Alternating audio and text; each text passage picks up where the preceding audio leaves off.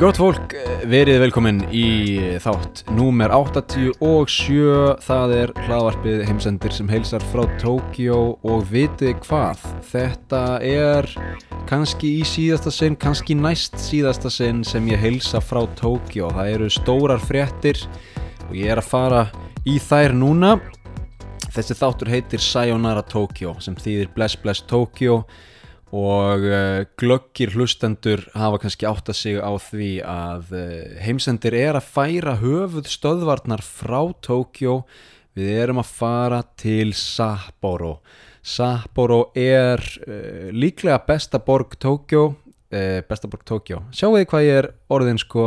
Ég er hún mettaður af Tokyo menningunni. Ég er alveg ég er eiginlega komið nóg af Tokyo um, en ég ætla samt að ok, förum ekki fram úr okkur Sapporo er einn besta borg Japans er það sem ég vildi sagt hafa.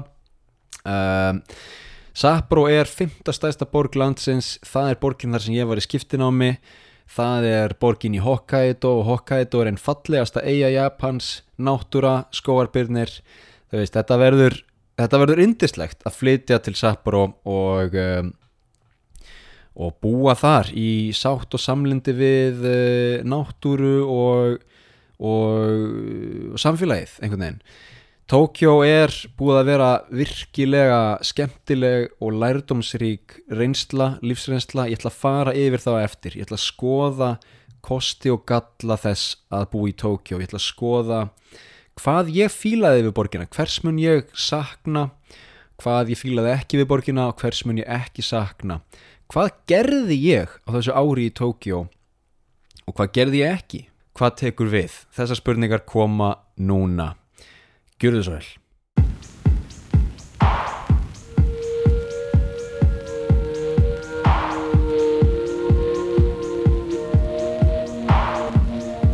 Fyrir að fyrsta, um, stór tilgjenning fyrir fólk sem hefur ekki séð það nú þegar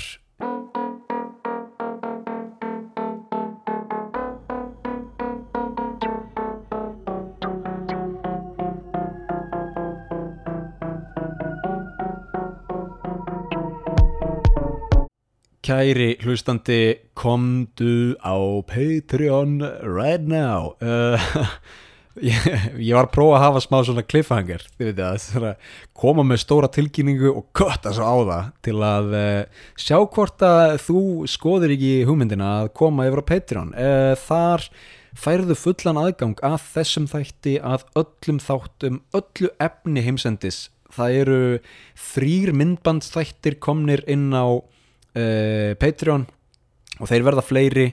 Uh, hérna frá alltaf er hann að gefa kannski ég meina það eru tveir Patreon þættur á mánuði og einn til tveir opinn þáttur á mánuði.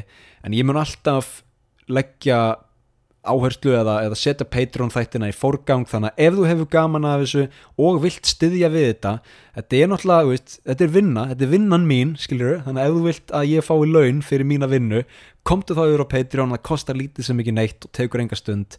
Þið þurfum bara að finna Patreon appið í símanum uh, Google Play eða App Store finna, finna heimsendi fyrirgefið þar og skrá ykkur.